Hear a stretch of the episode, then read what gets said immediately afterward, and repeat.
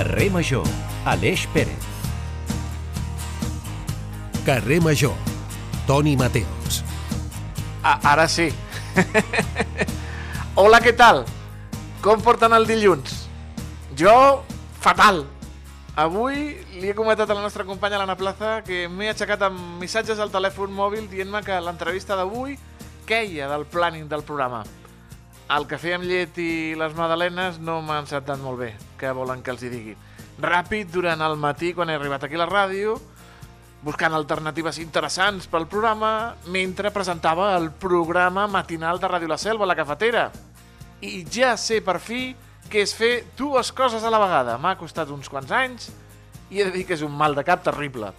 A l'hora de, de dinar, patapar amb un altre. Un altre problema amb col·laboradors per propers dies. Oh, no sé què, a veure si em pots moure, tal. Ni menjar tranquil als canelons, que per cert, no m'han sentat gaire bé, com el cafè amb llet i les magdalenes del matí.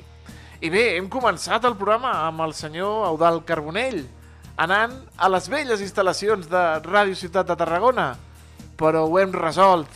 I l'arqueòleg ha arribat esbufegant a les noves instal·lacions, però a temps per la interessant entrevista que li ha fet la nostra companya l'Anna Plaza, que per cert poden recuperar el servei de ràdio a la carta de qualsevol de les nostres emissores, que som, ja ho saben, Ràdio Ciutat de Tarragona, Altafulla Ràdio, Ona la Torre, Ràdio Montblanc, Baix Camp Ràdio, Ràdio La Selva del Camp, Ràdio Hospitalet de l'Infant i la nova Ràdio de Reus. Parlant de la nova Ràdio de Reus, Aleix Pérez, com estàs? Com ha anat el cap de setmana? Molt bona tarda, Toni. Doncs patim per tu, perquè amb tot el que No. expliques, la veritat, ha sigut, ha sigut un dilluns per oblidar. Però tot i així ho has, tret, ho has tirat endavant i crec que també diu, diu molt de tu com ho, hem, ho has tirat endavant i al final doncs, tirem endavant aquest carrer major que per cert volia comentar eh, visita històrica a la de l'Au del Carbonell jo com a persona millennial que vaig créixer veient el programa aquell que feien d'arqueologia realment per mi és, és, un és una d'aquelles coses que quan et preguntaven de petit què volia ser, jo volia ser arqueòleg per, per aquell programa. Vaja, jo volia ser arqueòleg pel, per l'Indiana Jones, Bo, també. eh, però van venir al, a l'Eduard Toda, que era el meu col·le, uns arqueòlegs, i ens van explicar què feien. I llavors eh, vaig dir, pues, no, no vull ser arqueòleg, perquè pensava que era allò, la recerca del tresor, en fi, no, no, no. Lògic, lògic. En fi, amics i amigues, que els explico els meus problemes com ho faig als meus amics, com li faig a l'Aleix, perquè això és el que sentim les 8 emissores, que són els nostres amics que ens escolten cada dia al carrer, Ma al carrer Major. I en Iago Moreno, el nostre tècnic, aquest pobret, sí que m'escolta cada dia. Ai, és com si fos el meu psicòleg particular. Gràcies, Iago. Benvinguts a la ràdio de proximitat. El valor del camp de Tarragona. Carrer Major.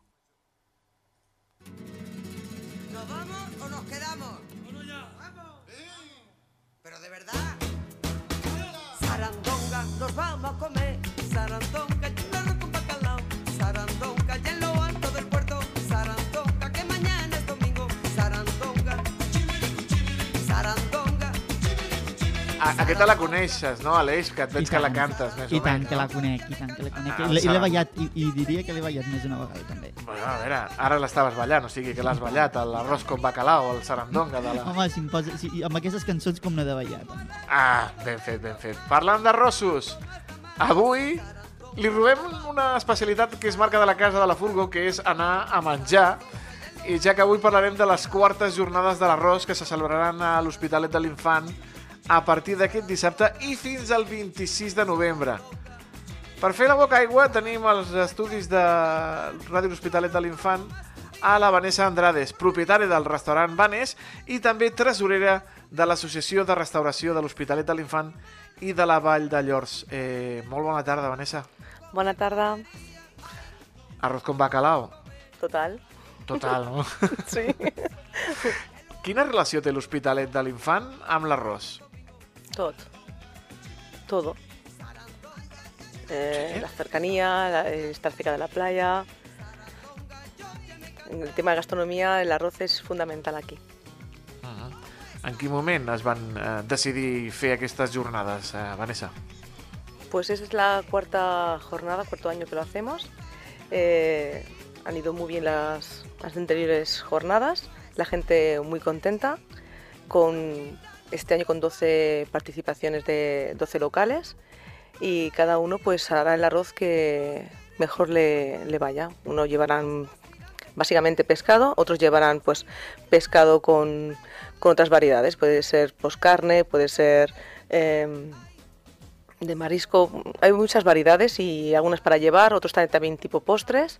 Y este año hemos hecho pues algo que, que la gente pueda decir, o sea, pues eh, vende solamente ir a comer un arroz, pues ¿por qué no coger también un- una variedad de arroz que sea pues con un postre, ¿no? Pues arroz con leche, eh, mini tostaditas o mini bocaditos de, arroz con leche, cosas así que la gente diga, pues, pues mira, eh, variedad, ¿no? En arroces. Quartes jornades, o sigui que Sí. les vau començar abans de la pandèmia, vau parar o, vau, o vau començar just i, i, i, la- i la pandèmia us va fer aturar? Com, com va anar tot això, Vanessa? Pues, pues ahora me haces pensar, pensar. Si es la cuarta, en teoría creo que empezó antes de, de pandemia, si no me equivoco. 19, creo que sí. Empezó antes de Sí, pandemia y después de en, pandemia. en pleno pandemia. mm, Sí, no te podía decir exactamente, pero es la cuarta seguro. Uh -huh. Es la cuarta que organizamos. I què heu après eh, en aquestes quatre edicions, Vanessa? Mm, ¿Cómo? Perdón. Què heu après? Que, que habéis aprendido? ¿Qué hemos aprendido? Mm, Bueno, eh, hemos aprendido que después de la temporada siempre se pueden hacer cosas.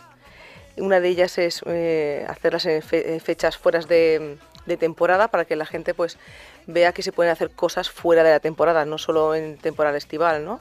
Eh, siempre hacemos septiembre, final de septiembre, octubre. Este año vamos a hacerlas en noviembre porque vemos que en noviembre ha sido un mes, mm, bueno, ha sido y será siempre un mes un poco pues triste, ¿no? Llega el invierno, la gente se encierra en casa, el cambio de horario. Eh, a mí nos da un poco de, alegría al ambiente de decir, pues vamos a hacer cosas, vamos a salir y bueno, eh, hacemos este evento un poquito más tarde de lo normal para crear un poco de iniciativa a lo que es en noviembre. ¿Vale? Alargar un poco más lo que es no temporada, pero bueno, tenemos muy buen tiempo, la verdad, no nos podemos quejar. Sí, a més, bona tarda, Vanessa. Eh, Hola. el lema d'enguany és de, del, del Delta de casa de tots. També és Sí. una declaració d'intencions, no? una carta d'amor als productes de quilòmetre zero que, que sempre diem i reivindiquem aquí a Carrer Major. Siempre, siempre, sí. Sí, sí. Este año hemos cogido, nos ha hecho de sponsor Monsia, porque creemos que bueno, eh, la variedad siempre está al gusto y tenemos muchos muy buenos arroces aquí de kilómetro cero y pensamos que todos los arroces que tenemos a- de nuestra cercanía son buenos y por qué no darles una oportunidad y decir pues bueno eh, nos hacen de sponsor ellos mm, también les viene bien pues decir bueno pues estamos aquí no y nosotros pues a ser kilómetro cero sabemos que es un arroz bueno y confiamos eh, en ello también, que la gente también pueda probarlo y bueno, al fin y al cabo es, no, es un evento donde todos pues eh, participamos, ¿no? El pescado porque es de, sea del Delta o sea de Cambrils o sea de eh, eh, producto cero, produ- producto de, de calidad y proximidad. Molt, molt interessant tot això. I una, i una coseta, Vanessa. Eh, Sí. el, fins al 12 establiments. Sí, Esteu content, no? Suposo que Sí. heu repetit més o menys els mateixos que l'any passat. Eh, té això possibilitat de creixement en nombre de restaurants que hi participen? Sí, eh, a ver, el tema es que son 12 y está muy bien. Digo que está muy bien, podría ser más, la verdad, pero eh, entonces damos por hecho que está muy bien, por hecho de que mucha gente coge vacaciones. Unos han terminado, otros ya se empiezan. Entonces, claro, eh, poder organizar una jornada con 12 locales está muy bien. ¿Podrían ser más? Como debo decir, eh, sí, podrían ser muchos más, pero también podría ser muchos menos. Estamos contentos porque la gente lo ha cogido con ganas también. Es una, inicia- una iniciativa buena en noviembre y pensamos que, va a funcionar bien. Eh, igualmente hemos hecho para el día 18, que eh, es como una inauguración, ¿no? Donde una plaza aquí de Hospitalet, la plaza de la Marina, que está frente al mar, haremos un, pues como el, el toque de salida, ¿no? De, iremos a los restauradores, mm, haremos una paella popular, de ninguna en especial, se- se- será una paella mm, popular de marisco normal, ¿vale? Y tiene la venta de tickets. Hemos puesto un precio módico, son 8 euros, venta anticipada en algunos restaurantes que tenemos en la zona y habrá un DJ con música. Eso para que la gente pues eh, venga, disfrute, hagan con los niños, eh, dar un poco de vida a lo que es al, al municipio al fin y al cabo, ¿verdad? Mm, Que lo i que queremos todos. Sí, que també entenc que és molt important aquest, aquest també reclam, no? Aquesta crida ja no només a la gent de l'Hospitalet, sinó també a gent... Al voltants, Em, sí. eh, Qui espereu? Espereu gent potser de les Terres de l'Ebre o més de, tirant amunt del Camp de Tarragona? A què, Eh, què més o menys, quina és la clientela que pot apropar-se en aquestes jornades? En- por anteriores jornadas hemos visto que ha venido mucha gente de fuera, sea de Val, sea de Reus, sea de las Terras del Ebre, em, de Mora. sí, la gente se suele mover. Eh, ya hacemos publicidad también de ello. También tenemos eh, a, a turismo, también la radio local también de, de Hospitalet. Tenemos el ayuntamiento que también nos echa, bueno, pues eh, hacemos un poco todos y movemos un poco lo que son las redes sociales también y comunicamos varios canales que hacemos pues las jornadas del arroz, entre otras jornadas que se hacen a lo largo del año, ¿no? La gente sí que lo espera, la gente le gusta mucho la fiesta, le gusta mucho salir y estas cosas, estas jornadas así, la gente la espera con mucha, con mucho, pues ganas, eh, sí, con muchas ganas. Es que yo es que estoy contenta porque cuando las organizo con mis compañeros pues de, de asociación, pues mm, siempre pues eh, siempre hay alguien más que las vive más que otro, ¿no? Es normal, pero a mí me gusta mucho porque cuando las empezamos a, a idear, a formalizar, a decir pues esto, esto y tal, se pueden hacer muchas cosas, de verdad, creerme que podemos hacer muchísimas cosas, pero claro, siempre en esta fecha pues siempre tenemos la duda de que pues hará viento, no hará viento, mm, pero al fin y al cabo se tienen que hacer cosas. Si miráramos siempre el viento, eh, siempre que es noviembre o diciembre o que son cosas que el tiempo no podemos hacer, nunca haríamos nada, ¿no? Pienso que es una buena manera de, de hacer que los meses también cuenten, ¿no? No solamente lo que es el verano. Anem amb la pregunta màgica, Vanessa. Mm. Quin és el secret d'un bon arròs? L'Aleix... Jo, jo el sé, jo el sé. Jo no, Però jo no, jo sé si necessito ho sap. ajuda. Eh? Jo és que, clar, aprofitant que, Pues- que doncs, doncs, ja que estem, almenys també ens emportem alguna cap a casa. Sí, bueno, también es verdad. Eh, un caldo. Un Ah, caldo es muy bien. importante. Y el arroz mm, también. Eh, si es bomba, muchísimo mejor. Pero un caldo siempre es muy importante. Eh, un caldo claro que se puede hacer, o sea, pescado obviamente de pescado, de pescado de roca, pues la moralla, pescado de roca. eh, yo también le echo verduras, ¿vale? Lo que son verduras para darle un toque también más suave. Pero mm, el caldo es muy importante, mucho, mucho. Y si es natural y, no le pones nada más aparte, eh, es importante, es muy bueno y sale- los arroces salen muy buenos. Yo me especializo en mi restaurante por arroces. I tant, molt bé, molt bé. Bueno, farem una visita. I la resta de, dels companys d'en aquestes jornades de l'arròs també tindran, com diuen allò de cada maestrillo tiene su librillo, Ah, cadascú total. tindrà el seu secret, no? Sí, sí, sí, sí. Hay muchos que tienen pues su secreto, su forma de hacer la marca. La marca es, es como el sofrito, ¿no? Hay mucha gente que le echa calamar, otra gente que le echará pues, eh, eh, pues la, el de esto de las gambas, ¿no? El, cuando coces las gambas, otra la de verduras. Luego también contamos que también tenemos postres. Entonces, eh, el tema del dulce de que pueden hacer con el arroz, pues es su truquillo, ¿no? Pillar el punto del azúcar. Mm, pero siempre pienso que un arroz siempre tiene que ser bueno. No es que ninguno sea malo, pero hay algunos especiales para el arroz y un arroz bomba para una, para un arroz, una paella es muy importante. Le da su punto, un arroz redondo. Apunta't això, eh, Aleix? Un, un arròs així, Apuntadíssim, eh? bomba, i, Sí, sí. i després el, bol, el caldo. Caldo, bueno, és important. fumet. importanti- bueno, El fumet és importantíssim. és importantíssim que sigui Total. ben bo. Eh, això començarà amb una arrossada popular. També aquí us la jugueu, no? Perquè Total. eh, l'arrossada popular vindran els crítics de "Nye, nye, està dur, està, Siempre, està ¿eh? feo". Pero eso siempre. ja. Sí. Pero bueno, es que es lo que ya, ¿no? Es que. eh, gustos, colores. Total. Pero sí, eh, normalmente siempre es aceptable, ¿eh? Siempre hay gente que quiere más, hay gente que quiere menos, hay gente que le parece duro, hay gente que dice, oh, pues bueno, yo le pondría, pues, yo qué sé, más gambas, ¿no? Eh, yo le pondría, no sé. Pero es normal, ¿eh? Eh, Contamos con eso pero para todos los eventos, para todas las cosas de la vida en sí, ¿eh? Pero bueno, quan- yo creo que lo importante es quedarse con, con hacer cosas. Es muy Quan val, importante. quan val la, la rossada popular, Vanessa?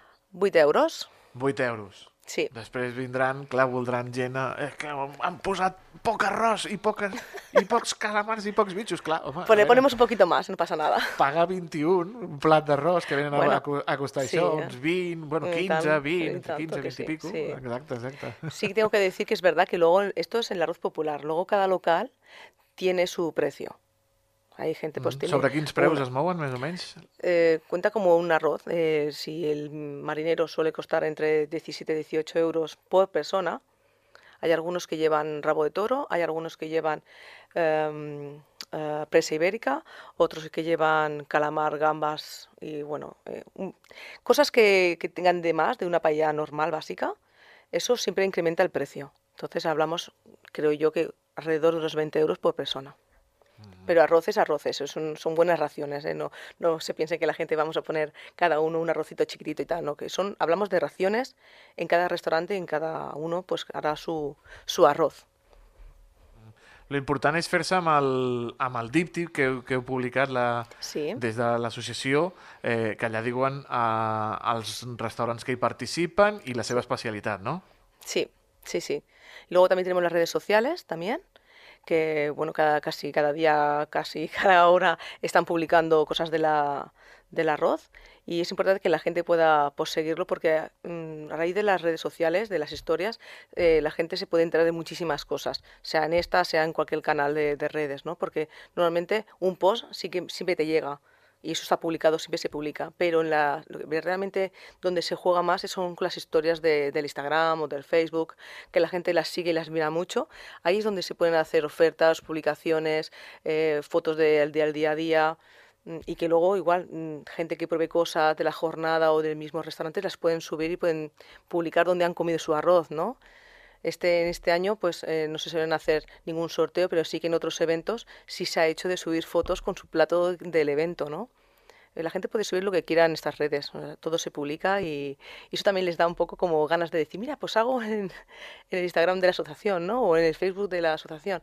Pero creo que todo es, hoy en día todo es mm, telecomunicación.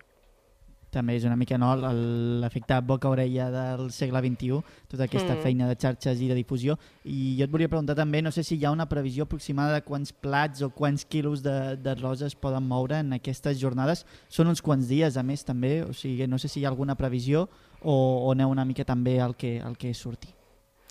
Bueno, normalmente tenemos todos arroz, gastamos bastante arroz cada uno en su local, ¿no? Ya le digo que hay por, a veces por cierre de temporada o eh, vacaciones hay algunos que no tienen, eh, no sé, mucho stock, ¿no? Pero yo creo que arroz es mm, por persona. En el evento sí que sabemos más o menos lo que puede haber, creo que entre 150 200 personas es lo que puede haber ya eh, comprado en tickets. ¿Vale? Esperemos que venga mucha gente más, porque claro, es un evento que, contra más gente a mí me gusta más y más los disfruto. Y luego, pues las fotos, pues me gusta verlas y ver cómo la gente disfruta, ¿no? Porque al fin y al cabo las fotos son lo que te quedan para después. Pero kilos exactamente, kilos, no sé, depende. No lo sé, cada uno, no sé, no te podía decir exactamente una cantidad exacta, porque también estamos fuera de temporada y te podía decir, mira, en temporada puedes sacar tanto, pero ahora en noviembre, pues mm, depende también, también el tiempo que te haga, si hay algún puente entre semana. Pero sí, yo creo que va bien. hay que ser siempre positivo, ¿eh? Sempre, sempre positiu. Diu la nostra companya de Ràdio L'Hospitalet de l'Infant, la, la Iris, que l'arròs amb llet és la millor postre del món. Sí. Jo, sí, sí, diu que sí. Iris, escolta això. Te donaré un consell. Fot-li en l'últim segon, abans de treure'l, un dauet de mantequilla. El teu arròs amb llet guanya mil per mil. I si no, després m'ho dius. Apa, és, una, és un truco, un truco que me va dir la meva sogra abans de morir. I mira, Ah. i jo el segueixo uh, com a Clar que sí. religió. Escolta, sortim d'aquesta entrevista amb, amb ple de consells eh, de, de cuina. Jo marxo més que satisfet de tot això. Tu. cuidado, cuidado. No- ahora tendrás, gan- tendrás hambre y todo. Sí, ¿eh? sí, Tengo sí, sí, ara tinc gana ja. Vanessa Andrades, propietària del restaurant Vanes i tresorera de l'Associació de Restauració de l'Hospitalet de l'Infant i de la Vall de Llors. Moltíssimes gràcies per acompanyar-nos aquesta tarda i A que vosaltres. vagin molt i molt bé aquestes quartes jornades de l'arròs de Uy, pues os espero, ¿eh? Sí, sí, sí. Eh, Si els dos guapos, por ahí. ja, ja ens has vist, els dos nois guapos i joves, eh, ració gratuïta. Cuenta con ello. Gràcies, una abraçada. que Muchas vagi gracias, que vaya muy bien. Adéu, adéu.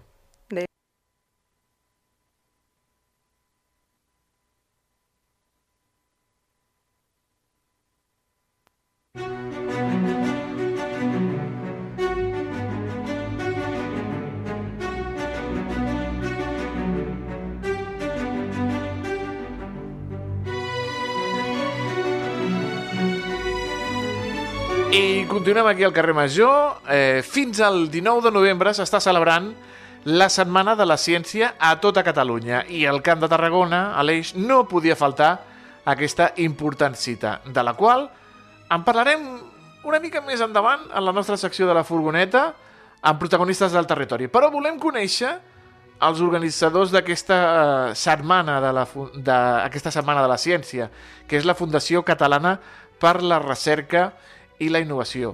Tenim a l'altre costat del fil telefònic el seu director, el senyor eh, Jordi Mas, director general, com hem dit, de la Fundació de la Recerca, i al qual saludem. Senyor Mas, molt bona tarda. Hola, molt bona tarda. Com dèiem, què és la Fundació Recerca, senyor Mas? Bé, la Fundació Catalana per la Recerca és una fundació público-privada en la que participa la Generalitat de Catalunya amb el seu Departament de Recerca i Universitats i tot un seguit d'empreses de, d'empreses que ja des de l'any 1986 van pensar que això de la recerca era important pel país i que van apostar per fer una fundació que fes una miqueta de paraigües de diferents iniciatives. Al començament era una mica molt centrat en temes més de- d'equipaments, d'infraestructures. Ara ja, més recentment, ens focalitzem en tot el que seria la ciència amb el seu vincle amb la societat i en concret, en aquest exemple d'això que estem comentant avui, doncs amb l'organització de la Setmana de la Ciència que ja fem eh, des de fa 28 anys. Quina és la, la principal tasca de la Fundació, senyor Mas? Bueno, la principal tasca de la Fundació és portar la ciència a la societat, eh, obrir camins, obrir, diguéssim, vies de contacte entre el món de la recerca, que a vegades és un món allunyat, en certa manera, del, del dia a dia de les persones, doncs fes-lo proper. A part, de la, per exemple, de la Setmana de Ciència, també engeguem o també estem engegant molts projectes educatius. Per exemple, eh, al, al Camp de Tarragona hi ha diferents localitats de Tarragona, Salomó, Vilaseca, Salou, Cambrils, Amposta, Tarragona mateix estem desenvolupant el que li diem un programa, per exemple, de petits talents científics, que és, són una, una sèrie de, diguéssim, de programes, de projectes que van en vies d'intentar que la gent jove, sobretot molt jove a nivell de, de primària fins i tot, s'interessin per la ciència, que, que coneguin el mètode científic i que, en certa manera, estiguem sembrant perquè en un futur doncs, hi hagi més ciutadans, eh, diguéssim, amb cultura científica, amb interès científic, amb compromís amb la ciència com a eix de, de progrés per un país com pensem nosaltres. Bona tarda, senyor Mas. Bé, això que comentava fa un moment. Entenc que també és molt important no? aquesta sensibilitat, aquesta manera de fer especial quan has d'ensenyar a, a, a tots aquests nenes i nens del futur. També com s'enfoca perquè s'apropin de la manera doncs, més sana i, i, i també útil per a ells en la seva vida diària. Pues nosaltres tenim un model, la Fundació Catalana per la Recerca i la Innovació té un model molt específic, que li diem això, petits talents científics, que es basa sobretot en ensenyar el que és la base del mètode científic. És a dir, el, els fem unes preguntes que, que són preguntes molt senzilles. Eh? Per, què, per què mous la mà quan et punxes eh, amb una rosa, per exemple? O, o, o com, com funciona el teu cos? Són preguntes bàsiques que els fem reflexionar, els fem experimentar, els fem buscar informació. Tot això, òbviament, ajudats, molt ajudats pels docents de l'escola, pels docents del centre, pels tutors i pels professors, que són, òbviament, la clau de tot aquest programa, als quals també els fem una formació prèvia per tal de quan s'adrecin a l'aula amb aquestes preguntes amb els nens i nenes, doncs siguin capaços de guiar-los cap a un projecte educatiu que acabi sent un projecte que acaben fent un prototip, acaben fent un model que respon a la pregunta, al repte que els hem plantejat i després, fins i tot, fem una gran trobada eh, a diferents endrets de Catalunya on els nens i nenes expressen, ensenyen el seu projecte que han fet a l'aula. No? Per, en certa manera és un, és un tancar el segle en el sentit del cicle, en el sentit d'explicar-los què és el mètode científic, fer-se les preguntes, fer-se les indagacions necessàries i al final comunicar el seu resultat a la resta de companys, en definitiva, a la resta de col·legis. Despertar la vocació científica a la canalla, per això aquesta Setmana de la Ciència, que funciona, com ha dit vostè, des del 1996, 28 anys. que han après durant tots aquests anys, senyor Mas? Bueno, hem, hem après que, que, que l'interès de les... Per exemple, eh, la, ara poso el vostre exemple la, la, la Universitat Rovira Virgili o l'Ajuntament mateix de la Canonja, que està fent moltes coses. Eh, estem aprenent que realment l'interès d'aquestes associacions és immens, és inesgotable i, i, i gràcies a Déu que tenim moltes associacions, molts ajuntaments, moltes universitats, molts museus que, que, que tenen vocació de divulgar la ciència cap a la ciutadania.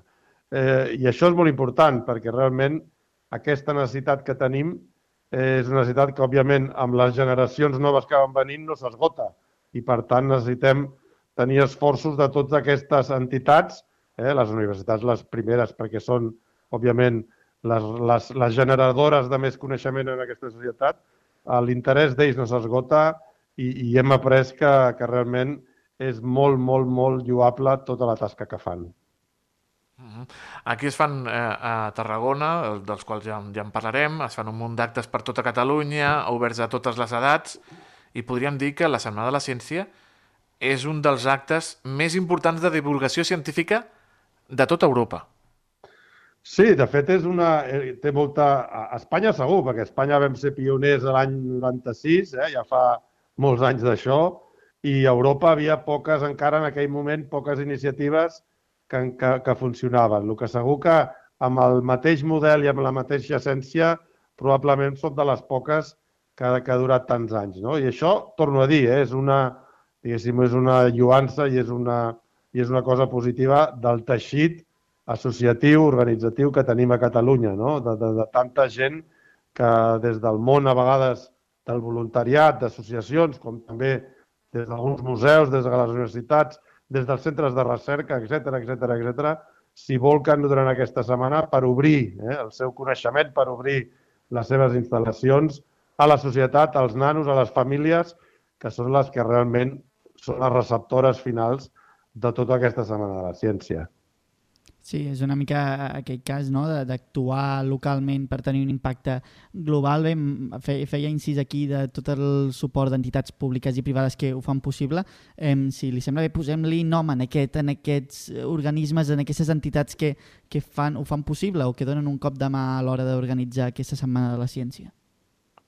Sí, bueno, són totes les universitats de Catalunya, el Consell Superior d'Investigacions Científiques, molts ajuntaments de Catalunya, molts museus de Catalunya que, que fan exposicions, que fan, que, que fan portes obertes. En fi, és que seria quasi, quasi infinit, eh? Hi ha centenars, centenars de- de- d'entitats que, hi, que hi col·laboren i que, com tu molt bé dius, són les veritables protagonistes d'això per tal de, de poder oferir al públic, al públic interessat, un, un, un contingut interessant eh? I, un, i una manera de fer, jo crec, important pel, pel futur de les generacions futures, eh? pel futur dels joves. Realment el que, el que estem fent aquí és sembrar, eh? estem fent sembrar per, estem sembrant pel futur de tots i, i pel futur del país, que en definitiva eh, pensem nosaltres que està i ha d'estar molt vinculat al, al desenvolupament científic i tecnològic A més a més, eh, senyor Mas, el castell de Mas Ricard, a la Canonja, què els oferiran als petits i a les petites aquests dies? Què podran veure allà al castell de Mas Ricard?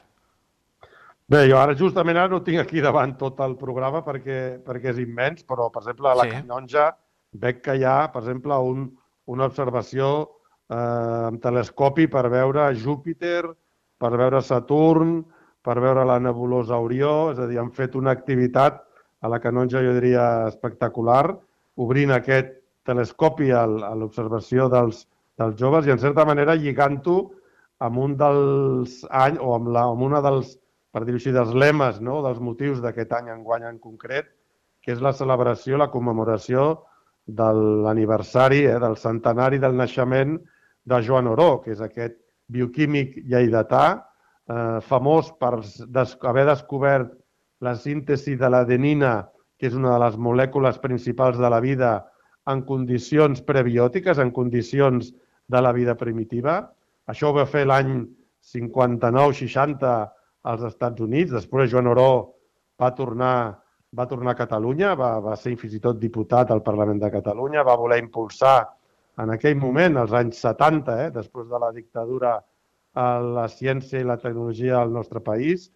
Mm, realment en aquell moment les, les, diguéssim, les condicions no són com les que hi ha ara en absolut. El, la, la, diguéssim, la limitació de recursos era molt gran, el moment polític no era tampoc encara aquest i, per tant, tampoc no, no se'n va sortir en el sentit de d'emputxar el país cap a una recerca i cap a un sistema de recerca científica potent. Però, evidentment, va fer unes grans contribucions. Entre ella, per exemple, va fundar, era un, és un dels membres fundadors de la nostra fundació, eh, l'any 1986, que, que va impulsar fa molt de temps. I, per això, I això ho vinculo una miqueta amb el que deia de l'observació del telescopi. No? Joan Oró, a part d'estudiar de, l'origen de la vida, va també ser una amant d'estudi de, de l'astrofísica, no? de, de com pot ser que, o, o, o en quin altre indret de l'univers pot haver-se desenvolupat la vida com ha passat en el, com ha passat en el nostre planeta. No? Llavors va ser un, realment un, un bioquímic que, que després es va apassionar per l'astronomia, molt, molt interessat en l'astronomia i molts projectes vinculats des d'allà als Estats Units a la NASA i després també a les, a les eh, exploracions Apolo i Viking que van anar a la Lluna i a Mar respectivament. No? Mm -hmm. Per anar acabant, senyor Mas, quin és l'estat de salut de la ciència al nostre país? Perquè sempre sentim allò de el talent que marxa, els joves que han de marxar a l'estranger. Com ho podem eh, curar? Bé, Com el... podem sanar tot això? Sí, no, jo crec que la, la salut és, és bona, eh? A veure, els joves marxen però després tornen, eh? i molts tornen, i també venen gent de fora aquí, és a dir, jo diria que és, és normal que la gent marxi i és bo que la gent marxi. Eh? Tampoc no, no, jo, crec que sigui, jo no crec que seria dolent que tots ens quedéssim a casa nostra tancats sempre. És, és molt important obrir-se al món, veure el món, aprendre els de, de fora, però també és important poder tornar. I això potser és, és de lo que, diguéssim, ara estem en vies d'aconseguir eh, que, que en certa manera hi hagi suficients canals de tornada o suficients vies de tornada pel talent que, com tu dius, ha marxat. Jo crec que en general la, la, la, la recerca és, és molt potent a Catalunya, jo no cal, ho diuen totes les estadístiques, tenim potser dos, dos reptes per endavant, no? per, dir, per dir un parell. Una cosa és això que estem fent aquí, és a dir, escolta, necessitem que la societat entengui també molt més la tasca del científic, el rol del científic a la societat. Necessitem que el científic també es vinculi més amb els reptes socials que tenim avui en dia oberts, la sequera, l'emergència climàtica. Tot això no ho resoldrem de la mà de coses que no siguin o que no estiguin vinculades amb la ciència i tecnologia. I per una altra banda, també necessitem que la recerca estigui molt més en contacte amb les empreses, que les empreses entenguin el valor de la recerca científica pel seu negoci i, per tant, que apostin i que inverteixin en fer recerca que a la llarga generarà, primera, com dèiem abans, talent i, i, i gent per treballar qualificada i segona, eh, diguéssim, coneixement aplicable al seu negoci, que en definitiva és el que els interessa. No? Aquests potser són els dos, eh, des de la societat a les empreses, els dos grans reptes que jo diria que té el nostre país en quant a, a recerca científica. Jordi Mas, director de la Fundació Catalana per la Recerca i la Innovació. Moltíssimes gràcies per acompanyar-nos aquesta tarda, aquesta tarda científica aquí al carrer Major i que vagi molt i molt bé tots els projectes de la Fundació. Moltes gràcies a vosaltres. Eh? Fins la propera. Adéu. Gràcies, adéu-siau. Carrer Major, fent camp de Tarragona. 1, 2, 3, 4...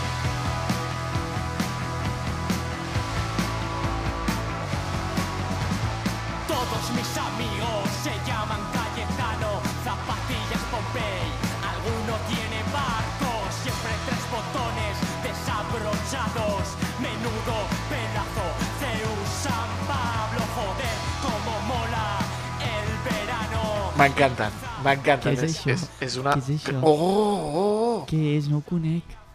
Que Carolina és increïble. Durante. Què? No, no ho coneixes, Ah, Carolina Durante? Em sona, em sona el grup, em sona haver-lo sentit, eh? Jo conec l'altre grup del Juan.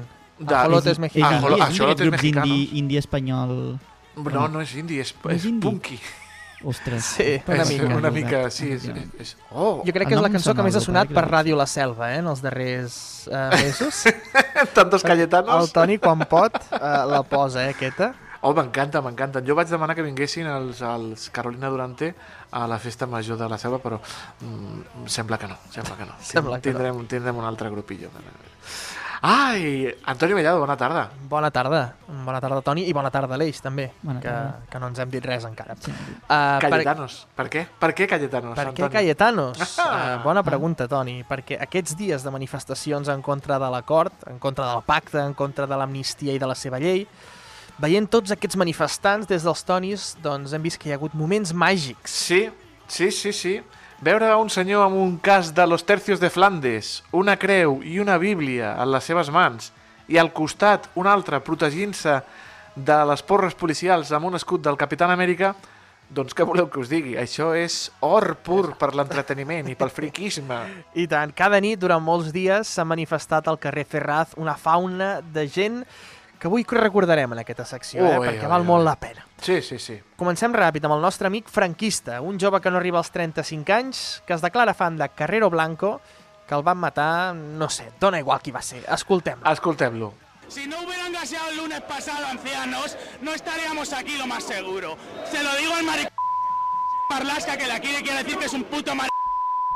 y un traidor, que luego estaba mucho contra ETA, pero ahora están... La puta ETA es Bildu. Y la ETA es la que estuvo que mataron a Carrero Blanco, que era el único serio que ha habido aquí en 50 años. Le mataron, da igual que le matara, le mataron Da igual. porque querían tirarnos ¿Por el régimen de Franco. Clar que sí, clar que sí. Muchas gracias. Muchas gracias, hombre, muchas A ti, a gracias. El, el mateix individu que es va animar quan va veure el micròfon d'Ok Diario va dir pues continuo. El franquisme diu que va ser la millor època d'Espanya, però ell no la va viure, perquè, com hem dit, no arriba als 30 anys. Ell el que vol són banderes lisses. Jo saco el aguilucho, si tu treus l'escut constitucional, eh, aquest covard que teniu. Sentim-lo. Que quede claro que somos franquistas porque fue la mejor época que ha habido en España y si no lo reclam mm, si no lo, lo haces valer eso eres un maricón como Claro. los que están atrás que silban pero no vienen a decirme No, que vengan que vengan a decirme les Viva explico Cristo que- Viva Cristo que- Rey. que- Bueno, aquí os concentráis muchas sensibilidades, ¿no? Sí, usted, claro. usted se declara Claro. franquista, pero hay mucha gente que no. Yo no les sigo a ellos con la bandera constitucional, aunque yo no estoy contra la bandera de España con el escudo, pero quiero mejor que sea una bandera lisa. Si todos nos concentramos con bandera lisa, yo quitaría mi águila, pero como ellos se concentran con sus lemas de Feijó, a ver, vos no es lo que queremos, pero está mucho mejor que el Está mucho mejor. m***** del Feijó. Digo maricón y ya déjalo, porque es así, es un triste, un flojo, un pusilánime. Pusilànime, eh? Pusil·lànime. Almenys ha fet una bona ullada al, al diccionari, eh, Sí, aquest sí, senyor. sí, pusil·lànime. Amb aquests adjectius i tot això. Entre tanta policia, tants piolines, doncs a vegades és normal que de sobte se't coli el Mickey Mouse per Com? allà, no? Atenció a la veu d'aquesta senyora dient que Sánchez només vol el Falcon. Escoltem-la. Mickey Mouse. en un barco, en un violín. Créeme. Espérate, y en el hotel estaban acosados ustedes, en el, en el hotel en catalanes. Acosados. a un cobarde Piénselo bien, que huyó de piénselo. un maletero. Están humillados. Estamos apresados Pero por si los jueces, los No falta que diga, bienvenido a la casa de Mickey Mouse. Hola, bienvenido a la casa de Mickey. Esa es la cuestión. Es que los políticos ahora que no quieren perder los privilegios que hemos dado, que todo el pueblo está ocupado. Crida tan agut que, se, que piten les alarmes fins i tot del fons, eh? I els gossos d'aquí de la selva estan ara bordant. Primera norma d'una manifestació, Aleix. S'ha de demanar permís per fer la manifestació. Perquè si no el demanes, després ve la policia i et fa fora. I t'envien amb la resta, amb la resta de la gent. Com si fossis una ovella. Escoltem-la. Que no es una manifestación autorizada y eh, comunicada y no podemos estar aquí. Nos mandan a donde las ovejas, al punto de concentración.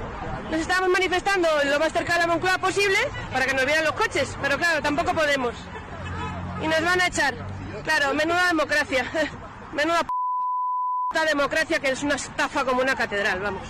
Nos llevan al punto de concentración como las ovejas y no podemos estar aquí para que nos vean los coches porque no hemos comunicado la concentración. Le hemos dicho, ay, ¿los CM también nos comunicaron? Dice, no, no, nosotros, eh, la ley, sí, sí, yo qué lei? Sí, la de la amnistía, ¿no? Anda, que se jodan todos. Ja verán quan no passin hambre. A la boca, eh? Alguns- l'esperava, eh? Alguns ja no pensen en el règim franquista, no, no, pensen en temps més passats, eh? en l'edat mitjana. Ojo, eh? I en les presons de l'edat mitjana. Ojo, eh? Escoltem el següent testimoni, si us plau. El payaso ese del flequillo, que había que meterlo a ese bajo tierra, o sea, al metro. ¿Ustedes creen que hay que meter en la cárcel a Pedro Sánchez, al presidente? Sí, sí, va- va- va- pero- y tirar la llave. Pero en una cárcel de aquellas de la Edad Media, que era una maravilla, cómo estaban en la cárcel, bueno, tratar de... O bueno, o en. Guantánamo le podemos mandar para allá. Guantánamo, sí, con una, mm, una mascarilla de esas que les ponen. Estamos en directo. Sí, sí, no. vale, vale. Claro, Estamos en directo, le digo, eh. Eso es lo que, lo que pensamos del chulo balneario este. Por no decirle sabandija. chulo balneario. Es un sinvergüenza, es una sabandija. Es un cabronazo. Veo, señora, que lleva la pulsera del Partido Popular, ¿no? Sí. Alta. Muy bien, Alta. muy bien. Pero vamos, Partido Popular, vos o cualquier persona que sea de bien y... y- Partido Popular, Vox o cualquier eh, persona de eh, bien. Lo Sí, que sí, sí, defendemos es nuestra España y que no nos la robe un sinvergüenza como este. Ai, ai, ai. Per salvar Espanya d'una trencadissa, a l'Eix, si cal eh, ficar-se a resar el rosari, es fa. I si cal demanar ajuda a la Verge Maria, es fa. Perquè la Verge Maria és de Zaragoza. Sí, sí, escolta. Sí, porque España es de la tierra de María, por lo cual el, rosario es una oración directamente para María. Y como España es la tierra de María, ha estado bendecida, ya se apareció en el Pilar, por lo tanto le pedimos que nos ayude en esta tribulación que tenemos, ya que hay varias señales también de que se acerca el fin de los tiempos, por lo cual toda ayuda que podamos tener celestial, ya sea de María o de nuestro Señor Jesucristo, es poca. Y por eso yo creo que a falta de medios humanos debemos utilizar medios celestiales como es el rosario. Pues muchas gracias. Eh, Muchas gràcies. d'acord, eh? Jo, home, si, si, si arribem a la fi del món, jo potser sí que em posaré a resar una mica. El fin de los tiempos. Ojo, Sí, eh? sí, inclús també eh, aquí compten amb l'ajuda de Déu, Nostre Sí? Senyor, que diuen, eh, que els manifestants, que és espanyol. Dios es Escoltem espanyol. aquest Sí, sí. testimoni. Veo que llevas un cartel que pone Dios es español y está de parte de la nación. Es un lema de los tercios de Flandes. Así que pues he querido recuperarlo porque estamos aquí por, por la nación, no por otra cosa. Lo que nos jugamos es la continuidad histórica de España. Pues mira, a Pedro Sánchez en aquests dies l'han acusat de moltes coses, a l'Eix, fins i tot de castrista, és a dir, de defensar el règim de Fidel Castro. Escolta.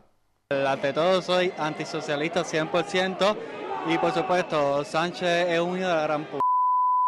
sinceramente. Porque mayormente él apoya al régimen castrista y apoya que el pueblo cubano esté pasando hambre, miseria y necesidad. Por eso estoy en contra de él y en todo su gobierno corrupto. Igual que la Yolanda Díaz que tienen que ir los dos a prisión. Muchas gracias. El muchas gràcies aquest final sempre... Sempre, sempre, sempre. Muchas gracias de OK Diario. Sí, que OK Diario jo no sé si són els d'OK Diario, eh? seran alguns infiltrats que venen només a riure-se'n d'aquesta gent, perquè no, no, no m'ho crec que ho puguin OK, treure. OK això. Diario, és OK Diario, és meravellós. Ai, en fi, altres coses com confondre l'11 de setembre amb l'11 d'octubre, que això a vegades passa, no? Canviar les dates, liar-te una mica... I és que després de sortir una nit de dissabte a diumenge i manifestar-te amb la ressaca, doncs costa, amics, costa parlar bé, si no escoltem el següent personatge. Sí. A ver cómo se lo digo, señora. El presidente de España acaba de iniciar un golpe de Estado en... es- ¿Por qué?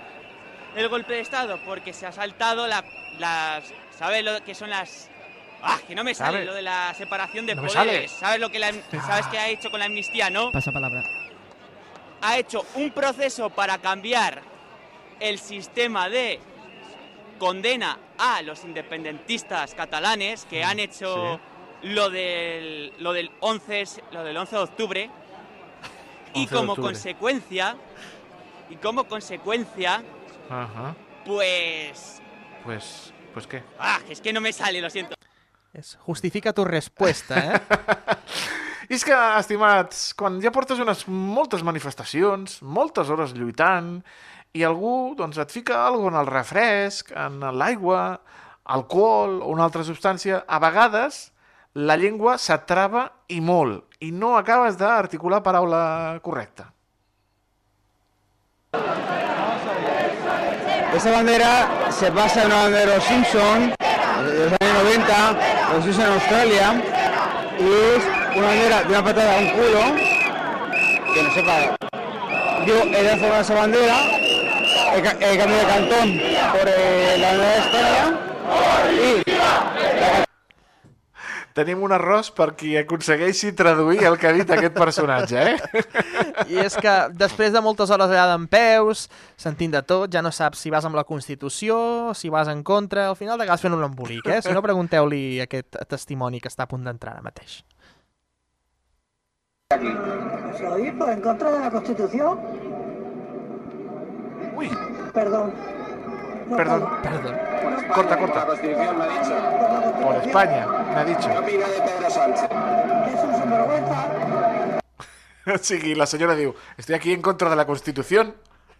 Uy, corta, corta, corta. I l'altre diu, está usted por España, ¿qué piensa de Pedro Sánchez? Sinvergüenza. Bé, és una ràpida resposta, en fi. Eh, no hi ha res que uneixi més que anar en família a la manifestació. I també ensenyar a un fill l'ensenyament d'una mare, o potser adoctrinament d'una mare. Escolta, Aleix. Va a seguir viniendo todos los días a los... Todos los días. Vengo con mi hijo y todos los días aquí. Y mañana a las 12 de la mañana en la Puerta del Sol. Mañana la del PP, ¿no? La puerta del Del PP también, a todo, contra estos golpistas. Y este es mi hijo. Y aquí, que le adoctrinan en el instituto y, a- y para que el adoctrinamiento lo adoctrina su madre. Muchas gracias, señora. Muchas gracias, senyora. I anem, arribem al top 3. Eh, un que es diu Acaba de despertar. Arribem al top 3, en el número 3, un senyor que deia Espanya acaba de despertar, mentre ell rebia oxigen. Escoltem-lo. España acaba de despertar, hijos de... España acaba de despertar, hijos de... Crec que és el mateix de Benit com mi con la cara descobierta, eh? ja en parlarem un no, dia. ja en parlarem un, al- un altre dia. Sí. En segona posició, el nostre estimat Cayetano, que l'havien llançat gas. Ai, els millennials, eh? Que ara pica, fiquen la paraula puto a tot arreu. Escoltem-lo, eh? Sí. Acaban de tirarnos eh, gases lacrimógenos. La policía. ¿Por qué? Por puto defender España. Bravo! Ho ha dit, ho ha dit. Bravo, Cayetano. I en el número 1, el millor de tots, sense cap mena de dubtes, se les pretende, se le pretende, se les pretende. Una Se xorra. les pretende, eh, se les pretende, eh, se les pretende perdonar también todo lo que han eh, todos lo- todo el dinero que se han llevado. Eh, se pretende, se les pretende también Condonar la deuda. Se pretende condonar la deuda y se pretende también eh, hacer como si no hubiesen robado. Se les Doncs Se les prete. Se les pretende, se les pretende. Ai, Aleix, què et sembla Com he això? rigut, eh? Com he rigut, perquè m'he- m'he pagat el micro, però he rigut d'una manera classe acadèmica dels tonis avui, eh? Masterclass. Doncs vinga. Ah, ara passem de risses a coses més sèries. Gràcies, Antonio. Fins Adeu, dimecres. fins dimecres. Adéu, adéu, adéu.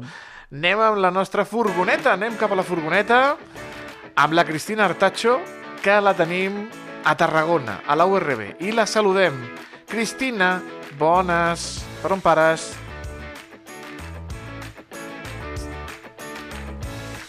Sembla que estem intentant contactar amb la Cristina Artacho. Algo li passa a la Cristina Sí, Artacho sí, sí. amb, el, amb la seva... amb la unitat mòbil.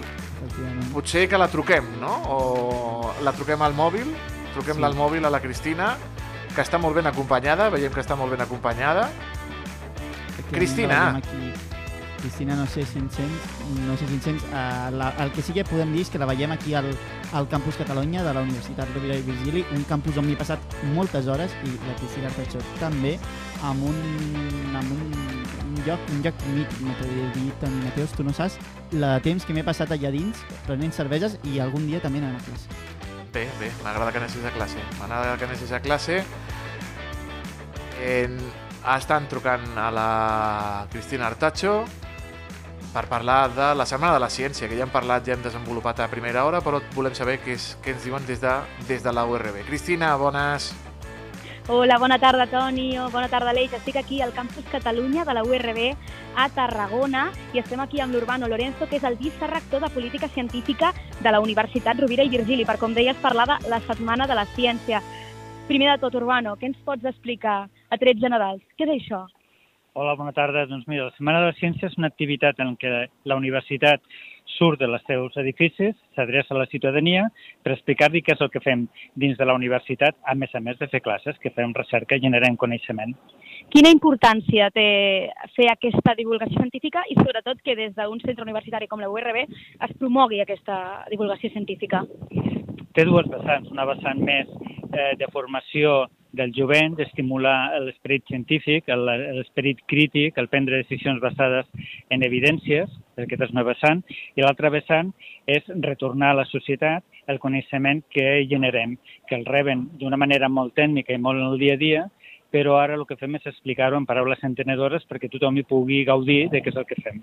La Setmana de la Ciència està adreçada a tothom, però precisament avui eh, s'han presentat les activitats que van específicament dirigides als infants i als joves. Quin tipus d'activitats organitzeu i qui gaudeix d'aquestes activitats?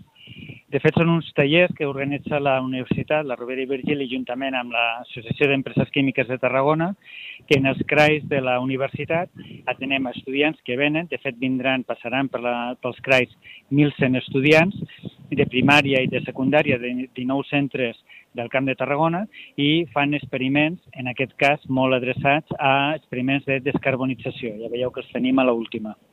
Perquè, clar, o sigui, aquests alumnes d'aquests centres, igual que la Universitat Rovira i Virgili està extesa i té campus per tota la província de Tarragona, també estan adreçats, estan repartits per tota la província?